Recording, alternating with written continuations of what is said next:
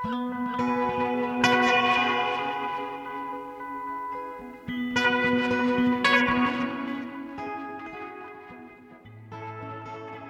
og sæl, kæri hlustendur. Halla Harðardóttir og Melgorka Ólafsdóttir heils ykkur úr hljóðstofu Víðsjár þriðutægin 2005. oktober. Í þætti dagsins Rousseau, Ævintýri Vestufara, Feima og Þísk myndlistavelun. Guðjón R. Sigursson fættist árið 1903 í austur Skaftafellsíslu en fluttist vestur um haf rúmlega 20 ára aldri. Guðjón festi aldrei rætur, heldur ferðaðist vítt og breyttum og stundaði fjölbreytt farandstörf.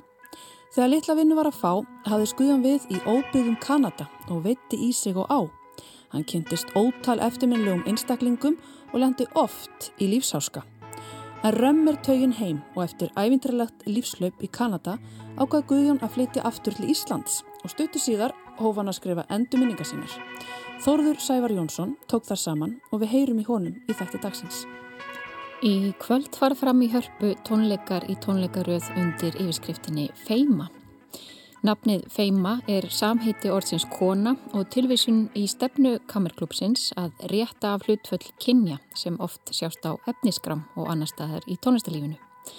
Feima sprettur upp úr starfi kammersveitarinnar Elju og tónleikum feimu slást ímsar tónlistar konur í hóp með klassískum hljóðfæraleikurum Elju. Á tónleikunum í kvöld leikur tónlistarkonan Rakel eigin tónlist í útsetningum fyrir kammerhóp á samt því að fulltrúar úr Elju flytja verk eftir Veroník Vögu, Fanny Mendelssohn og Kaju Sariyaho. Það er Rakel Siguradóttir og Björg Brjánsdóttir verða gestir í hljóðstofu hér á eftir og segja okkur nánar af starfi feimu og tónleikum kvöldsins. Játtningarnar eru eitt af likilverkum heimsbókmæntana. Hreinskilinn og opinská sjálfsæfisaga eins helsta hugsuðar átjándualdar, Jean-Jacques Rousseau. Í tólbókum rekur Rousseau ítarlega, ævintralegan ferilsinn og opinbera bresti sín á tilfinningar. Pétur Gunnarsson Rittuvendur hefur nú þýtt þetta gríðarmikla verk úr frönsku og Gauti Kristmannsson hefur nýlóki lestri. Við heyrum meira því í þætti dagsins. En við byrjum á því að forvittnast um íslenska myndlistakonu í Þýskalandi. Nýlega var tilkynnt um handhafa Albert Weisgerber heiðusveljunana sem veitt eru fyrir æfistarf myndlistamanns sem skapað hefur sér sérstöðu, virðingu og unnið ötulega list sinni heima og að heiman. Myndlistakonar Sigrún Ólafsdóttir hlítur velunin að þessu sinni en þeim fylgir yfirleitt síning á verkum hennar og bókaútgafa um listferil. Við sjá sló á þráðin til Þýskalands af þessu tilenni. Sigrún Ólafsdóttir, myndlistakona, þú lærðir á sín tíma í myndlistahandtíðarskólanum og fluttir svo til Þýskalands til þess að fara í framhalsnám og hefur verið þar síðan eða hvað? Já voru bara búin að vera þar síðan og ætlaði bara að vera í fjögur ár. Og hvað var til þess að þú ílengtist? Sko það var nú bara aðalega það að ég fór að geta lifað nokkuð vel af þessu, svona eins og listamenn geta lifað af listsinni, bara fljótlega upp úr námi þegar ég kláraði hér, sko, hvað er ég klárað 94, svo var þetta mæstarsjöla dæmi þarna, eða meistaranemanda í tvö ár og ég ákvað bara að ég var alltaf í rauninni bara framlengja förminni heim. Ég sagði bara með, meðan ég get lifað þessu hér þá verð ég hér, annars bara fer ég heim. Hvað er langt síðan þú fluttir út? 1990. Það er ansið góð tími. Þannig ég er búin að, ég er búin að vera lengur hér heldur en ég var heima hjá mig. Ég var 26 eða 7 ára þegar ég fór. Mér hefur aldrei fundist ég hafa farið af því að það var í forgangsröð að ég og sónu minn sem fór með mig, þá var hann tæplega þryggjára, að við færum heim í öllum fríum og alltaf, þannig að þetta er meira svona bara eins og að vera á seyðisfyrði eða eigilstöðum. En þú hefur mjög sérkennandi stíl sem myndlistakonu og vinnur mikið útilistaverk og svona stór verk, struktúra. Já, þetta er alveg rétt, sko, stóru verkin mín eru sterkust þó að þessi litlu, litlu eigi alveg sinn tilveru rétt líka en þau verða oft til úr stærri verkum sem ég hef líka verið að gera bara fyrir borgir og bæi og stærra uh, samhengi sko. Þannig að mörguleit er ég að vinna líka bara eins og verkfræðingur. Ég er alltaf með burðarþólsfræðing, ég er alltaf með mína smið, ég var til dæmis að koma núna úr að því ég er að fara að setja upp stórt verk núna í Köln að eh, fylgjast með þessum þáttu, þó að séu smiðir sem smíða þau, þá þarf ég að koma með teikningar og mótel og alla forvinu, en ég þarf náttúrulega að fylgjast með allri framkvæmt, þannig til verkið er tilbúið. Sko þetta til dæmis bara að eitt verk standir, það fara að gera stórt verk fyrir höfðatork á næsta ári, eftir hugmyndasamkefni, mm -hmm. það verður alveg 12 metra hátt, 12 metra breytt, 10 metra hátt, þannig að þetta er ofsvöldlega langur aðdragandi. Einmitt. Það verður hver suða að vera réttum stað og hérna, þú veist, bara upp á burðarþóla, þetta fjúk ekki og það er rosa skemmtileg svona alkemisk vinna líka sko að finna út úr því öllu saman. Þú þarfst að huga innri og ytri náttúröflum. Algjörlega, þú veist, ég segi alltaf verkið minn ganga ekki út á þetta ytra, heldur út á þetta innra. Sko, þau hafa sál. Verkið mín eru þannig að þessi stærri eru sterkari vegna þess að nálaði við, það getur verið mjög skrítin og söndum ógnægleg og, og mér finnst nálaðin betur en fjallag og það kemur oft fram í stóruverkunum. Þar kemur til dæmis, af því ég nú, sko þetta er náttúrulega þannig bara með alla list að ytra byrtingaform hlýtur alltaf að spretta út af innri reyfingu og hérna mér finnst nálaðin betur en fjallag því þar verður allt sínilegt til dæmis eins og óknin og fartvalleikin og þetta allt saman sem að í fjallæðinni er ekki möguleiki því að þar er alltaf það sem við búum til til að halda óþægileikanum frá okkur. Ég verð alltaf jafn hissa þegar ég er búin að gera lítil mótel, ég vil hérna byrja þetta með því að ég gerir lítil mótel til að, og skissa sko eins og sem er, ég skissa bæði í, í tekníkar og eins bara beint í, í lítil form sko sem verða svo að einhverju. En uh, þetta er alltaf svo spennandi að sjá hvað verður þegar þau eru komin í sína eiginlegu stærð því að hugurinn getur bara alltaf gert sér nokkus konar hugalund hann sér ekki fyrir sér alveg saman hvað ég photoshopa og hvað ég geri þannig að það er alltaf svo spennt við þessa nálag þegar verkið er tilbúið. Þetta er oft mjög stór verk og í svona almenningsrými það lítur að vera annars konar samtal þeirra sem að upplifa verkin heldur en kannski listaverka sem eru fyrst og fremst inn í söpnum eða upp á vegg. Já, allt annað. Þess að tala ég alltaf um bonsæverkin, það er þessi litli saklausu sem að hérna geta bara verið inni og allstaðar en sko ferlið í svona stóru verki og sérstaklega að því að ég legg svo svakalega mikið upp úr sko ánvist að vita það og það er líka það svo gaman við að verða eldir sko ég verð 60 á næsta ári og það er hérna þó ég sé nú ekki þá neitt gömul það er svo gaman að geta farið yfir ferilinn og og sé hvað er maður eiginlega búin að vera að gera Einmitt. Þetta eru náttúrulega bara alltaf tilrænir, leikur og fundur og þannig að leik þarf bara að leika til að komast að einhverju hversu sem niðurstaðan er. Verkin mín hafa alltaf fjallað um það sem er bara okkur öllum sammenst og það er fallveldileiki, jafnvægi, ójafvægi, anstæðir kraftar sem halda öllu saman eða sundröllu og möguleiki á reyfingu og tilfinningu fyrir óstöðuleika. En þú talaður um að vera svona að líta yfir ferilinn og þú varst að fá Albert Weisgerber velunin sem að eru heiðursvelun fyrir æfistarf myndlistamanns. Það hljóma nú eins og þú sért nú bara hálfum með þitt æfistarf en þetta hlýtur að vera mikil heiður að fá þessi velun. Já, þetta er það. Þetta er einn stærstu velun sem þetta er að vinna, fá hérna á Suðvesturhorninu, þar sem ég bý og eru veitt á, á þryggjára fresti frá 58 og einmitt fyrir æfistarfið sko og, með, og því fylgir stór síning á bara æfiferlinu. Svona yfirleitt síning eða hvað? Já, og hérna bara frá upphafið til þá 2024 þegar síningin verður og aðtöfnin sjálf verður núna 8. november og síðan fylgir þess og það er það sem er skemmtilegast að hafa alveg sko rúm tvö ár, síningin verði 2024 ásand bók um verkin sem spanna allan hennan feril. Ummitt. En þetta er svona tækifærið fyrir þig til þess að kannski klifur upp á hól og horfa yfir áður en þú heldur áfram. Já, fara til dæmis að hérna koma öllum slætsmyndunum á digitalform og allt því þú veist, tæknin hefur breyst og nú er þetta orðið þannig að hver og einn þurft eiginlega að hafa bara kerfisfræðing á heimilinu eins og áður voru bara straukonur og þvottakonur. Þú veist, þetta er bara meirinn að segja það þegar maður er ekki af þessari kynslu þannig að þetta, þetta verður alveg fjör að fást við. Já. Þetta er ótrúlega spennandi og, og við bara óskum þér innilega til hamingu hérna heima á Íslandi og hugsaum til þín. Já, þakka þér kelliða fyrir. Melgorka sló á þráðin til myndlistakonunar Sigrunar Ólarsdóttur sem er nýr handhafi hinnar virtu Albert Weisgerber heiðusveluna í Þískalandi. En þá snúum við okkur að einu af höfuðverkum heimsbókmentana, hjáttningum Rousseau. Gauti Krismansson teku við. Stundum hefur verið sagt að þýski heimsbyggingurinn Friedrich Nietzsche hafi verið jarðskjálti 19. aldar. En sé það rétt var genfarbúin Jean-Jacques Rousseau áraðanlega jarðskjálti hinnar átjándu og raunar fylgdu honum miklir eftirskjáltar á þeirri 19. og 20. En í dag er ímislegt rætt sem hann kom í orð, þótt þau sem tali hafi kannski ekki hugmynd um hvaðan svo orðræða kom upphaflega. Hann talaði fjálglega, nei snildarlega, um ójöfnuð millir manna og hvaða hörmungum egna rétturinn olli þegar eitthvert náttúrubannana uppgöttaði hann. Það minnir á hvernig útgerðar aðallin á Íslandi hefur sölsað undir sig landhelgina sem þjóðin og fulltrúar hennar, Íslenska ríkið, náði yfiráðum á fyrir nokkur áratugum. Rousseau skrifaði hjáttningar sínar rúmlega 50 ára aldri, án þess að neitt sé dreyið undan eins og hann orðaði það sjálfur. Verki kom ekki út fyrir neftir hann lést 1778, en allir strax gríðarlegrin hexlan ymmit vegna þess að ekkert var dreyið undan. Hann ofinberðaði sig algjörlega.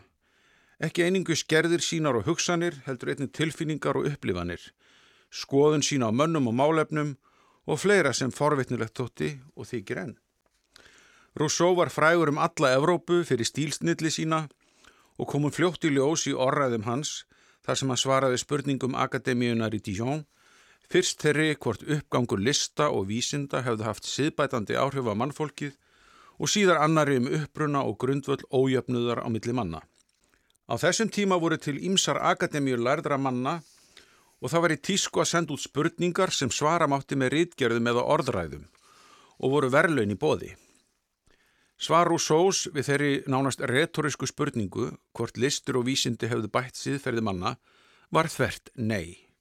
Gjörsamlega í andstöðu við anda upplýsingarinnar sem var nánast á hátindi sínum um miðja átjóndu öld. Hann útfærið þessar hugmyndi sína nánar í samfélagsáttmálanum en einni í svari sínu við spurningunni um ójöfnið millir manna. Orræðu sem er retorísku stormsveipur og feiki lesandurum um koll, svo kraftmikið ler hún.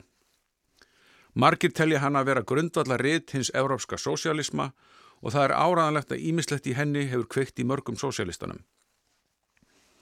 En Rousseau beitti ekki aðeins stílsnilli sinni í orraðum sínum, hann skrifaði skáldsögur, óperuteksta og tónlist, leikverk og síðast en ekki síst hjáttningarnar, sjálfsæfisögu sem er svo berorð að hún er einstök eins og höfundurinn fullirðir í fyrstu línu.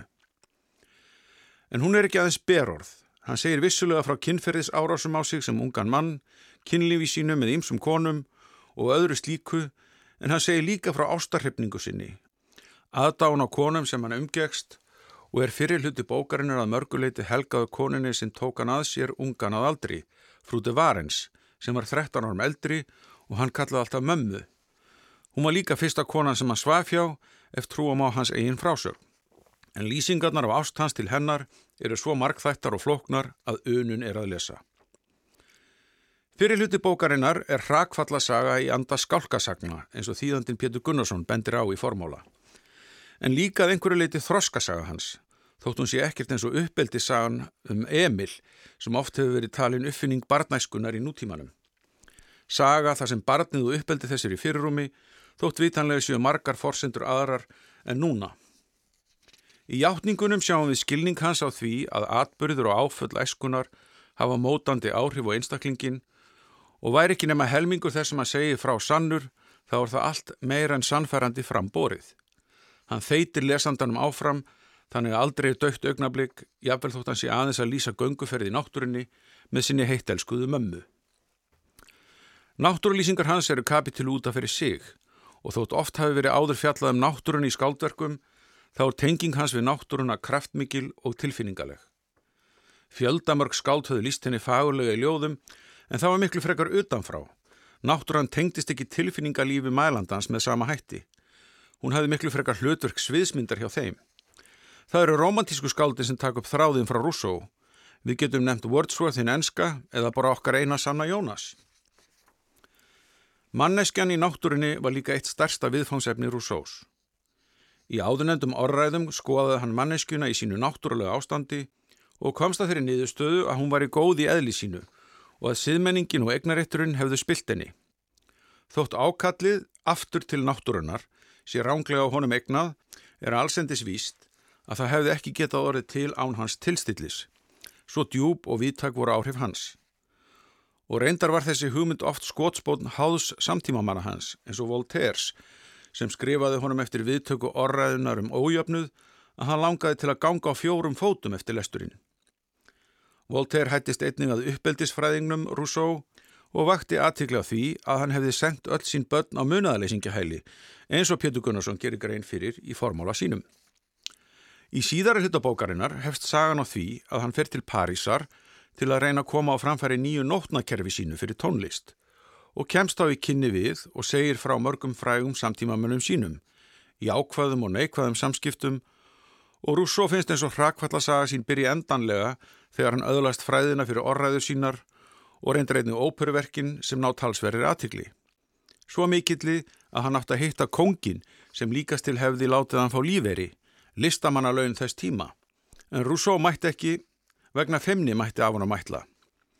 Kinnum hans að þóttakonunni og lísförunauti Teresu Leva Sör sem hann talar um af ást og fyrirlitningu í makalösum kabla fá lesandan til að velta fyrir sér hvernig á þeim geti staðið. En vísti er að hún var hann stóð og stitta í erfiðu lífi og hann gerir lesendum það líka ljóst. Þessi síðari hluti er markaður af átökum hans við kollega sína og segir einnig frá bókmæntasigurum hans sem enduði með því að hann þurfti sífælt að leggja á flotta og var hann meira minna á Flandri allt frá Sviss til Englands á síðari hluta æfinar. Þar sem hinn góði David Hume hjálpaði honum uns ofsóknaræði Rousseau snáði yfirhöndinni og vinslit urðu. Til er bref frá Hume til Adam Smiths þar sem Hume segir frá því að hann vitið að Rousseau sé að skrifa sjálfsægisögu og hefur áhyggjur af því hvernig slíkur penni fari með hann. Stílsnilli Rousseaus var öllum kunn. Áhyggjur hans voru þó ástæðulusar. Það hefur ekki verið neitt áhlaupaverk að þýða hjáttningar Rousseaus. Pétur Gunnarsson gerir það á stakri snild sem er verkinu sambóðinn Þótt ekki hef ég borið það saman við frumtekstan, hef ég lesið það í ennskri þýðingu og skoðað á nokkrum stöðum, en alltaf voru tekstanir nánast samhljóða merkingarlega að mistakosti. Þýðing Péturs er sérstaklega áhugaverð vegna þess hvernig hann viðheldur íslenskri málvenju í stílnum. Þótt ég hafi kannski lift brúnum yfir forbrekki sköngu og likjustund sem þó finnast á vef átnástofnunar en aðeins með vísan í óskráir heimildir, bókmentagreinar eftir Benedikt frá Hoftegi og Kristnihald Lagsnes. En slíkt krydd er nöðsynlegt í svo safaríkan og frábæran texta sem við Íslendingar getum þakka fyrir að hafa loksins fengið á íslensku í þessari aðbrags þýðingu.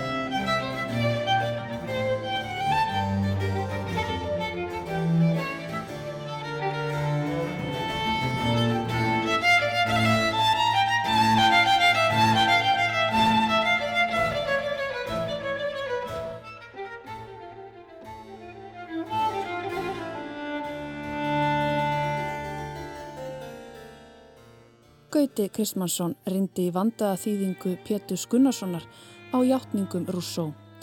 Í kjálfarið heyrði við brot úr tónverki samtímakonu Rousseau í Fraklandi, Elisabeth Claude Jacques de la Guerre.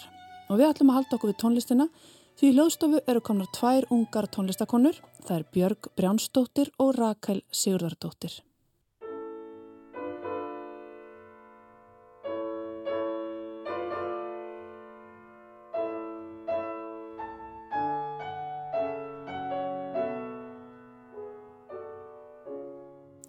Það eru sestar hjá mér Björg Brjánsdóttir, flautuleikari og listrætt stjórnandi kammersveitarinn Elju og Rakel Sigurðardóttir, söngkona og listakona, tónlistakona. Það er fara fyrir kammerklubnum Feimu. Hvað er Feima, Björg?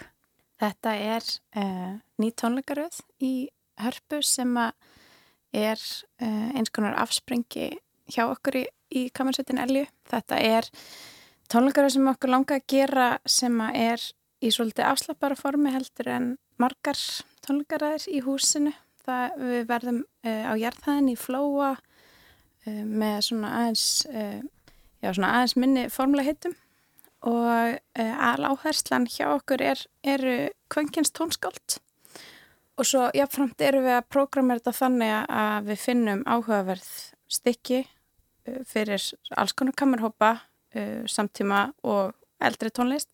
Og svo erum við að blanda þessu við að fá inn gestaartista og sem er þá Rakel núna í þessu tilfelli fyrir okkar næstu tónleika. Og, og bara svona blanda saman aðeins formum og, og sjá hvað gerist ef við vinnum með listafólki úr, úr öðrum tónlistastefnum mm -hmm. Og hugsunin að vera á jarðhæði er þá þetta sé svona kannski bara, já það er þetta ganga þarna inn og vera í meira svona eins og kaffihússtemningu, jável. Já, einmitt, það mm. eru bara ringborð, ekkert með formlega stemning, það er bar, það er læra miðaverð heldur en við þyrstum að hafa við salalegu, þú veist, það eru alls konar svona, þetta er bara öðruvísi konsept heldur en, heldur en formlega tónleikarnir. Mm -hmm.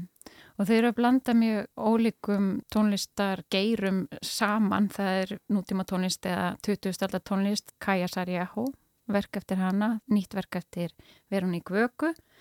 Og svo eru þau með romantíst tónskáld Fanny Mendelssohn og svo Rakel. En það er kannski einhverju samilegi þræðir sem að binda þetta saman. Ég er svona þegar ég fór að skoða efnaskána þá hugsa ég eru balluður er þetta svona, já, balluðustemning í einhverju á þessari músík allavega Já, algjörlega. Það svolítið fyndi hvernig prógrami kom saman vegna þess að við byrjuðum í rauninni bara grúska rosalega mikið. Og, og það er það sem er svolítið skemmtilegt við þessa áherslu á kvenkins tónskald og því að auðvitað eru við orðin mun betri í að bæði finna verk og, og spila verk eftir kvenkins tónskald en á sama tíma höfum við, veist, mín kynsla við fórum í gegnum tónlistanam á þess að læra neitt rosalega mikið um, um þessi tónskald og ég vissi ekki af tilvist margraðir að fyrir en bara nýverið þannig að prógramöringin byrjar ofta á að við að leita mm -hmm. frekar en að veist, frekar hann að ákveða fyrst þráðin og svo velja, velja verk sem að við kannski vitum af í gegnum okkar nám og reynslu. Þannig að, að það er vissilega rétt að svo eftir að hafa hlusta rosalega margt og, og prófað að púsla saman að þá er svolítil svona, það er svolítil ballega stemning í þessum prógrami. Já.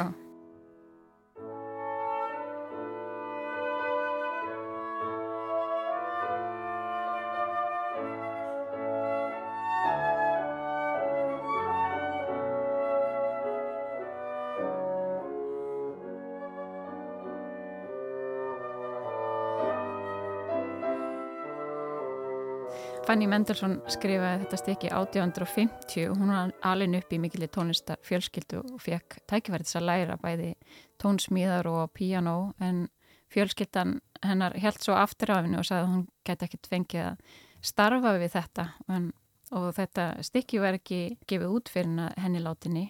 Heimurinn hefur náttúrulega breyst heilmikið í dag en er ekki enda á samt full þörfa á að styðja sérstaklega við hvenkins flytjendur og tónsmiði.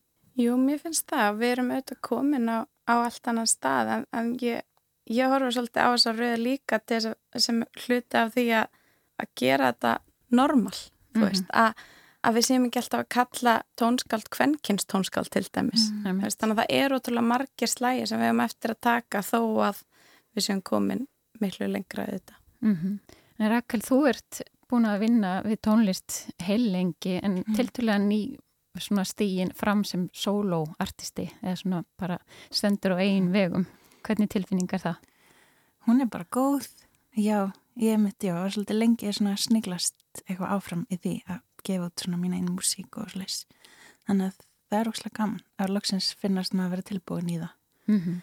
Já, og bara fullt að gera ótrúlega gaman líka að fá að vinna með elju og í þessi verkefni fá hérna prófa eitthvað nýtt vinna með svona klassískum spilurum ég er mjög spennt að að flytja þessar út, já, ég veit ekki hvort því sé að spilla hérna upplýsingum en það verða útsendingar, útsendingar af lögunum mínum á þessum tónleik þannig að það verður gaman. Can you hold me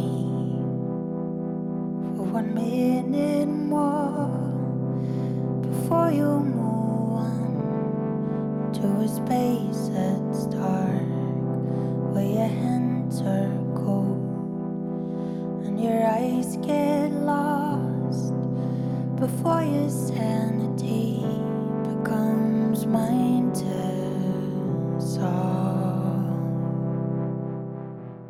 Rafballur, myndur þú skilgræna það þannig, tónlistina þeina? Já, það geta alveg verið svona eitthvað af því sem ég hef gefið út. Svo er ég alltaf eitthvað, finnst ég alltaf að vera eitthvað neina að þróast og breytast og svo er eitthvað sem maður hefur búið til og sem er komið út sem að eitthvað neina skilgrænum mann augljóslega fyrir áherendum.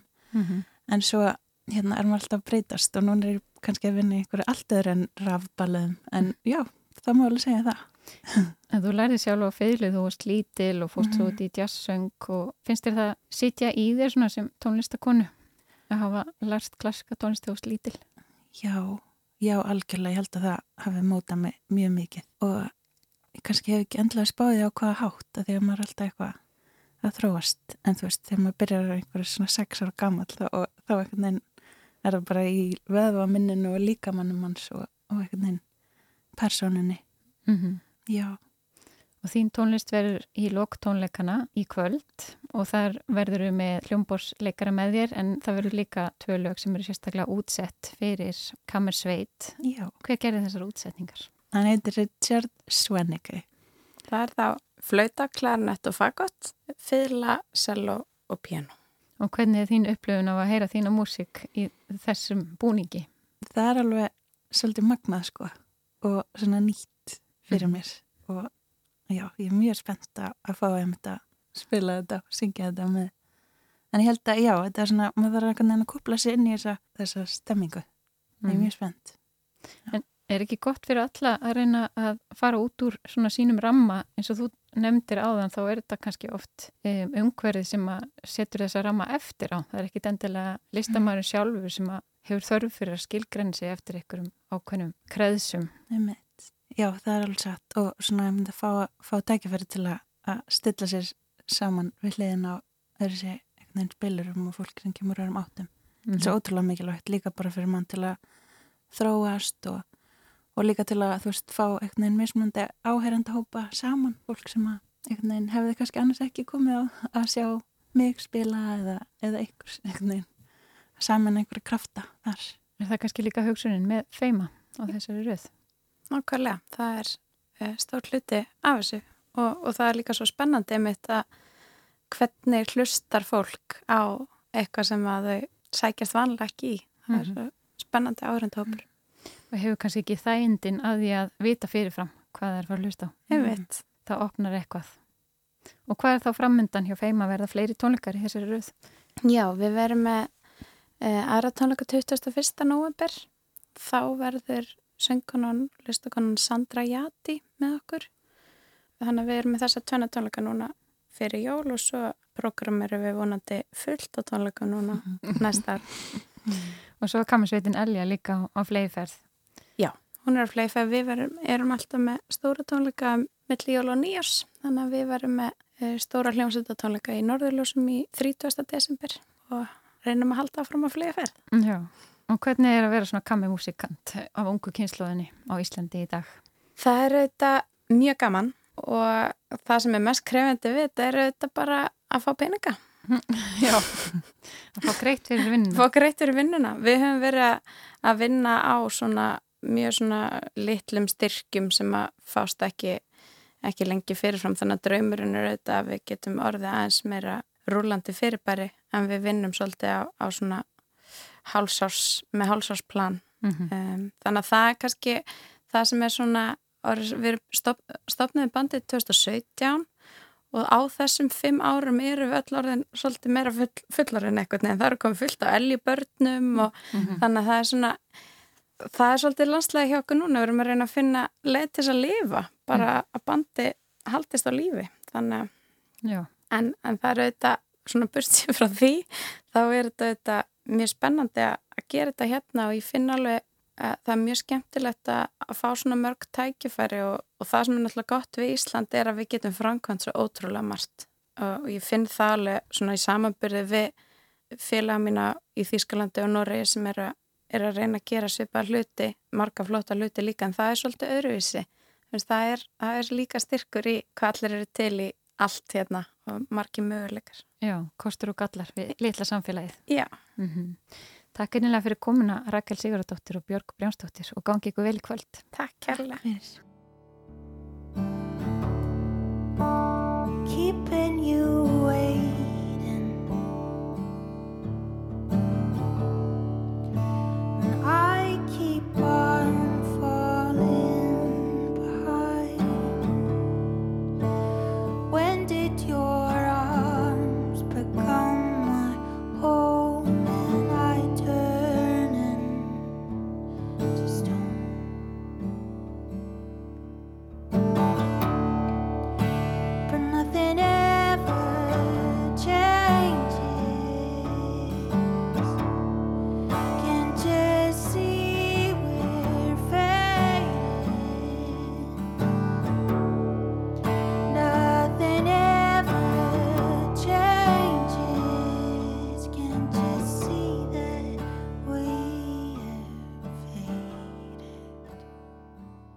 brot úr læginu Nothing Ever Changes með tónlistakoninni Rakel sem kemur fram á tónleikum Kammerklúpsins Feimu í Hörpu í kvöld.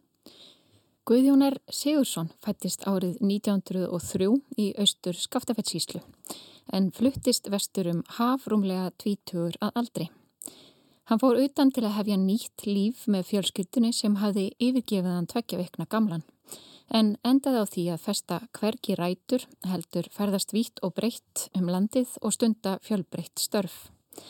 Þegar litla vinnu var að fá hafði Skuðjón við í óbyggðum Kanada og veitti í sig og á. Hann kynntist ótal eftirminnlegum einstaklingum og lendi oft í lífsháska. En Römm er taugin heim og eftir æfintilegt lífslaup í Kanada árið 1961 ákvað Guðjón að flytja aftur til Íslands ekki síst vegna landslagsins sem hann saknaði alla tíð. Eftir heimkomu hóf Guðjón að reyta æfiminninga sínar sem rötuði fyrir nokkrum árum í hendur Þórðar Sæfas Jónssonar. Þórður útbjá minningarnar til prentunar og bókin Ævintiri og lífi Kanada er nýkomin út hjá forlæginu. Þórður býr á Akureyri og þanga ringdi í morgun. Ég byrja á því að spyrja hann um það hvort hann hefði heyrt um Guðjón áður en að handritin rötuði í hans hendur. Já, já, ég viss alveg hver Guðjón var og ég kem nú aðeins inn á það í formálanum að hérna, að hann er sem sagt þekktastu fyrir tréstittuna sínar og sem hann sem sagt skar út og, seldi vinum og vandamönnum og bara ferðamönnum og öllum mögulegum þegar hann var komin á sem fluttur heim til Íslands. Og sem sagt foreldra mín er hérna þau ógæði einhvern tíðan hringin ykkur ykkur landi 1980 og eitthvað áður en ég kom til sögunar og hérna stoppuð á Fagerhólsmýri og ráku augun í þessa fínu stittur og sem sagt kiftu tvær stittur af Guðjóni. Sem sagt hjón með hérna alveg svona vísitölu fjölskyldu hjón með tvö börn. Og sem sagt eh, ég hafði þessa stittu fyrir augunum bara öll mín uppvakstar ár síðan einhvern veginn kemur Guðjón í lífum mitt á þessu offorsi sko. Og við svipa leiti þá flytt ég hérna til Akureyrar og þá gáfu fóröldar mínu mér þessa stittur í innflutningskjöf þannig að já já ég hérna Það er eins og hann hafi bara átt að vera í þínu lífi. Ég held það sko. Ég held að þetta hefur verið skrifað í stjórnuna held ég. Já, einmitt. Hérna Hvernig, kannski bara já, það er bara rauð tilvægana sem að verður til þess að þessi handrit rata í þínar hendur. Það verður nú gaman kannski bara áður fyrir að tala um Guðjón sjálfan að heyra svona hvernig, einmitt, hann kemur aftur og offorsinn í þitt líf og hvernig handritin rata til þín. Já, þetta er einmitt alveg rauð tilvægana. Sem sagt, um, 2018, uh, sem sumari 2018, þá sem sagt flytt ég og fyrirvændi kærasta mín til Hafnar í Hortnafyrði og ég fer að vinna á bókasafninu og hún tekur við sagt, svavasafni og hún fer svona að skipuleggja síningu sem sagt að útskurði og á útskurðunum að Guðjón sem sagt bara hann að síðla ást 2018 og síðan bara einhverjum viðudag þá þá eru við bara í vinnunni og, og gamalt starfsmæði menningamistar Hortnafjörðar kemur inn og, og, og hann bara hófi verið að ræða um Guðjón og hann skýtuði svona að, svona já, heyrðu meðan í mann, ég er hann með handrit ótgefnar endurminninga Guðjóns bara í skuffu heima hjá mér, það er eitthvað sem þið gætuð haft áhuga á fyrir þessa síningu og hérna Eitthvað sem enginn vissi af í rauninni nema þessi örfáir. Já, eða þú veist, sárafáir. Sárafáir. Hann, hann einhver meginn kemur síðan með hérna, endurminningarnar bara síðan sama dag og hún Þorgunur hafði nú að nógu hafði nógu að snúast var hann þessa síningu þannig að hún spyr mig sko, hefur þú áhuga á gluggu í þetta? Og ég, veginn, og ég var einhvern veginn alveg á báðum áttum. Ég var svona valla að netti því sko, en ég let mér hafa það. Og, og það einmitt, það, og, einmitt, og það voru bara einhver svona kablaskil í, í mínu lífi. Þegar ég kláraði síðustu blaðsefuna í þessum endurminningum sko. þá fóru einmitt hjólin að snúast. Og þú segir einmitt frá því sko, þessi teksti var auðvitað mjög þjættur og svona að þetta voru bara margar stílabækur skrifaðar á báðar síður og ekki valla greinaskil eða valla punktar Sko, jú, eiginlega síðan er sko, það er eiginlega annar handlegur, það er eiginlega saga handritana, það er eiginlega önnur flækjusaga sko, Já. því að fyrsta handriti sem ég fæ hendunar í velritað mm og það er einmitt bara svona, bara svona textakökkull, það er engin greinaskil, neinstadar og texti fær einhver með en hverja anda og síðan er hann náttúrulega alltaf stílina skuði og alltaf sérstakuð sko. Þetta, þetta var alveg áttak að lesa sér í gegnum þetta en það skeinsamt alveg í gegn hérna hvað þetta var. Já, reyni, ótrúlegur texti og ótrúlegur saga sko. Hvað var það sem að hyllaði við textan og fekk til að fara að búa um hann og koma hann til útgafu? Sko þetta er, er nú alveg þó nokkra ástæður sko fyrir að fyrsta þá er náttúrulega bara sagan sem slík bara líileg og ég meina titillin, ég meina ævintýri það er alveg hverju orði sannara. Hann lendir í alveg bara ótrúlegum uppákomum og, og bara þetta ævirhlaupans er bara með ólíkindum. Og síðan er hann líka bara stílin er sko mjög sérstakur. Eins og hann, hann er svona hafi bara sest niður og byrja að skrifa endurminningar sínar á þess að hafa nokkra fyrirframgefna hugmyndum hvernig endurminningar líta öllu, eða þú veist, líta út. Það er svona að hafa aldrei lesið endurminningar eða æfisög og æfisinni áður en að byrja að skrifa sínar eigin, sko. Mm -hmm. Og séðan er líka bara, þú veist, það er engin tilfinningasemi og hann er svo reynskilinn, hann er alveg svona alveg, já, þú veist, hann er ekki að fegra eitt eða neitt eða einhver megin að hampa sjálfum sér, eiginlega, sko, eiginlega þvert á móti, sko. Mm.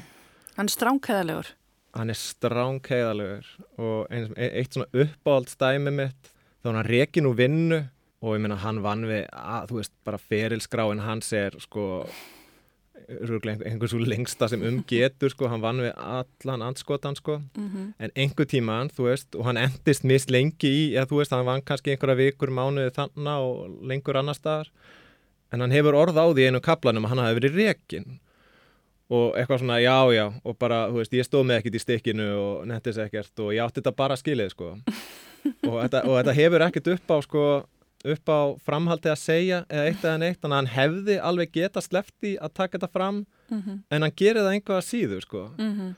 Ef við förum svona aðeins yfir þetta lífslaup sem er algjörlega æfintrelegt uh, hann er skilin eftir tveggja vikna vorið 1903 þegar fóreldrar hans flytja vesturum haf Vitu við, veistu eitthvað um það af hverju hann er skilin eftir? Af hverju fóðaldrarnir taka hann ekki með?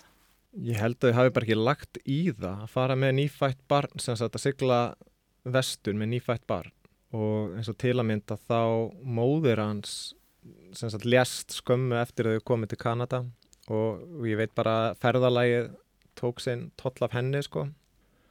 Svo elst hann upp í Skaftafellsíslu hjá ættingum og fær bref frá föðu sínum tvítugur og mjög svo magnað að hann bara tekur þá upp allt sitt hafri tarsk og flytur bara, alfluttur frá landinu að þekkir ekkert fólki sem hann á leiðinu til. Nei, það er ég með, það er ótrúlega magna hann sem sagt, ég meina hann hafði ekki bara ekkert heyrt eða sem sagt, hann hafði ekki heyrt í föðu sínum fyrir hann að færa þetta kort mm -hmm. eða bref mm. og hann bara ákveður að, að hérna bara skella sér en, en ég meina skella sér sem að tóldi erfitt á sko. þessum árum um já, en þetta er samt einhver meginn þú veist, maður á kannski ekki þetta alhæg en ég meina eins og ég segi, hann var bara ótrúlega ævintýra gjarn mm -hmm. og, og allavega hann bara leggur að stað í þessa reysu vestur um haf og svo kemur í ljós þú segir frá það yngangi að þín tilfinning út frá tekstanamans að þeir hafa jafnvel kannski ekkit átt skap saman, hann kemur á staðin og, kannski, og þeim lindir ekkit vel eða hvað? Og því hann fer bara fljótlega að ferðast og flakka. Já, sko pappans bjó á einhverju mjög, þetta var ekki merkileg jörð og þetta var bara óttalegt stritt og, og ég veit að Guðjóni Gramdis líka pappans, hann lærði ekki ennsku þannig að hann gæti ekkert hjálpa hann með ennskuna en ég meina síðan verður náttúrulega bara að taka mig í reikningin að þetta er bara faðir hans er bara einhver blá ókunnu maður sko mm -hmm. og þeir koma og Guðjón eitthvað með hinn bara hann kann ekki nógu vel við séðana og hann bara kveður pappa sinn í rauninni fyrir fullt og allt og eins og einmitt bara eins og ég kom inn á áðan eins og með stílinn hann afgreðir þetta bara í einhverju efnisgrein eða einni blaðsíðu og það er ekki sko snevill af einhverju svona tilfinningasemi sko, þetta er mjög einhver meginn svona, já, bara gekk ekki upp og, og hérna ég, og ég saði bless.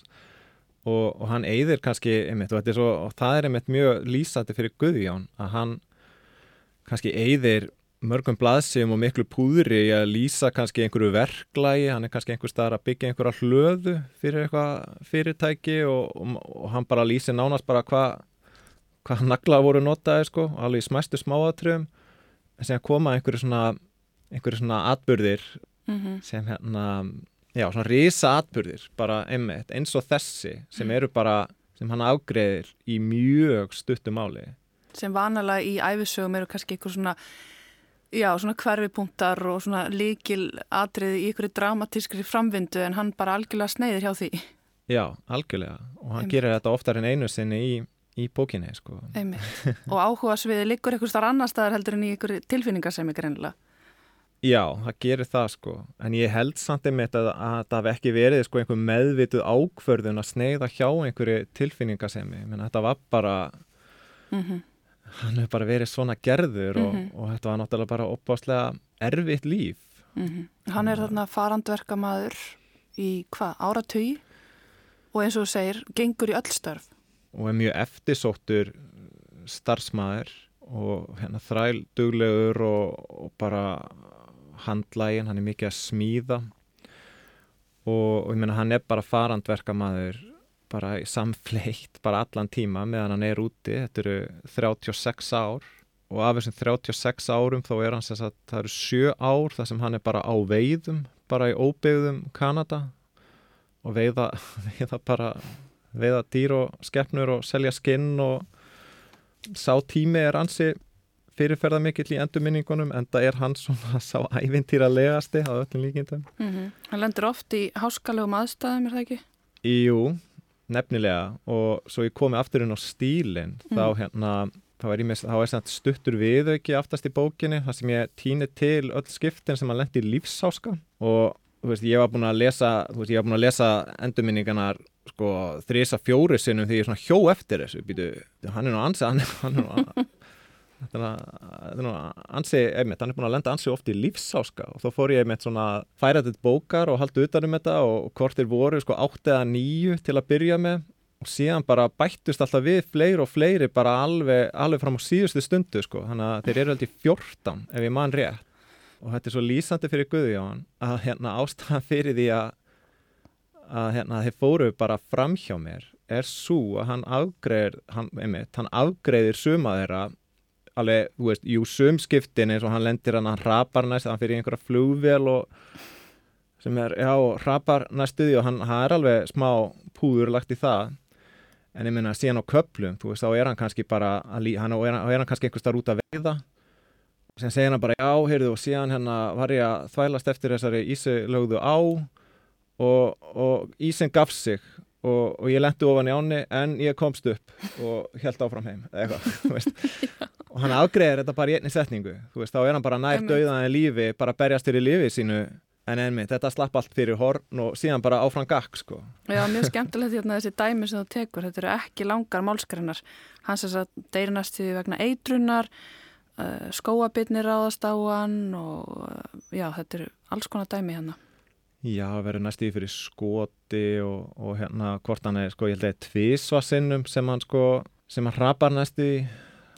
Og já, já, þannig að þetta er alveg Þetta er sannlega æfintirilegt og í þessum viðauka þá nefnir líka all dýrin sem hann veiti, það eru 24 ólík dýr sem hann var að veiða þarna þegar hann bjóði í óbyðunum eins og mú, mústýr og, og moskróttir þar á meðal Já, það er ekki skrítið að þessi teksti hafi hillaði og dreyjiði til sín hérna, og svo er ansið merkilegt að að hann hafi svo fengið undir loka æfinar svona miklu heimþrá og komið aftur heim.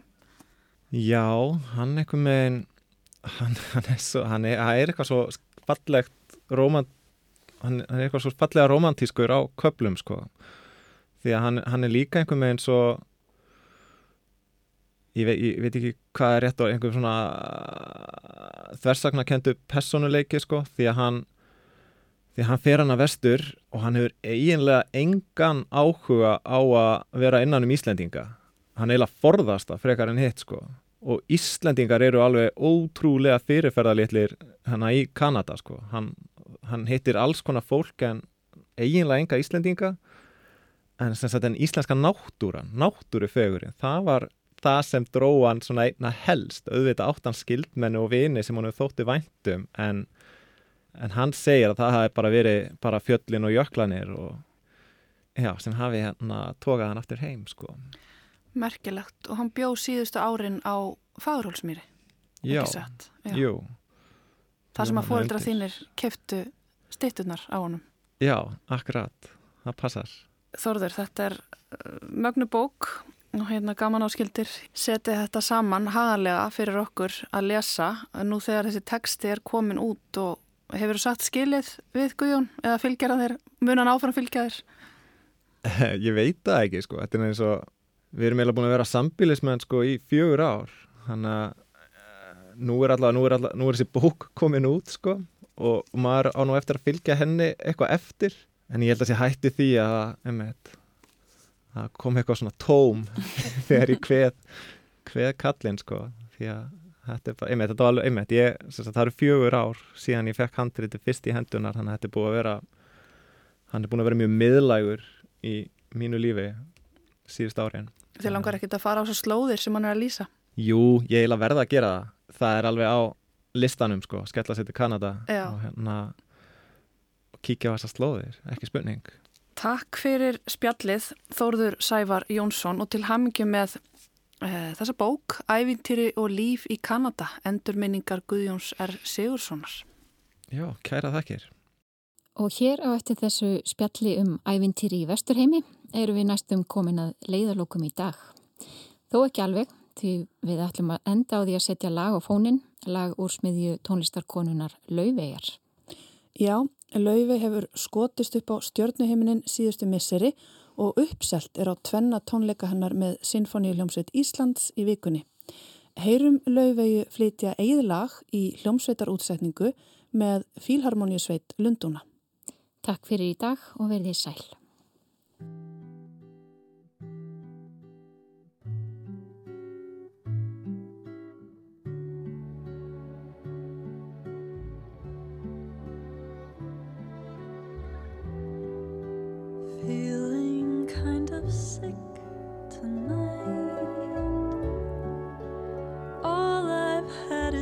Coffee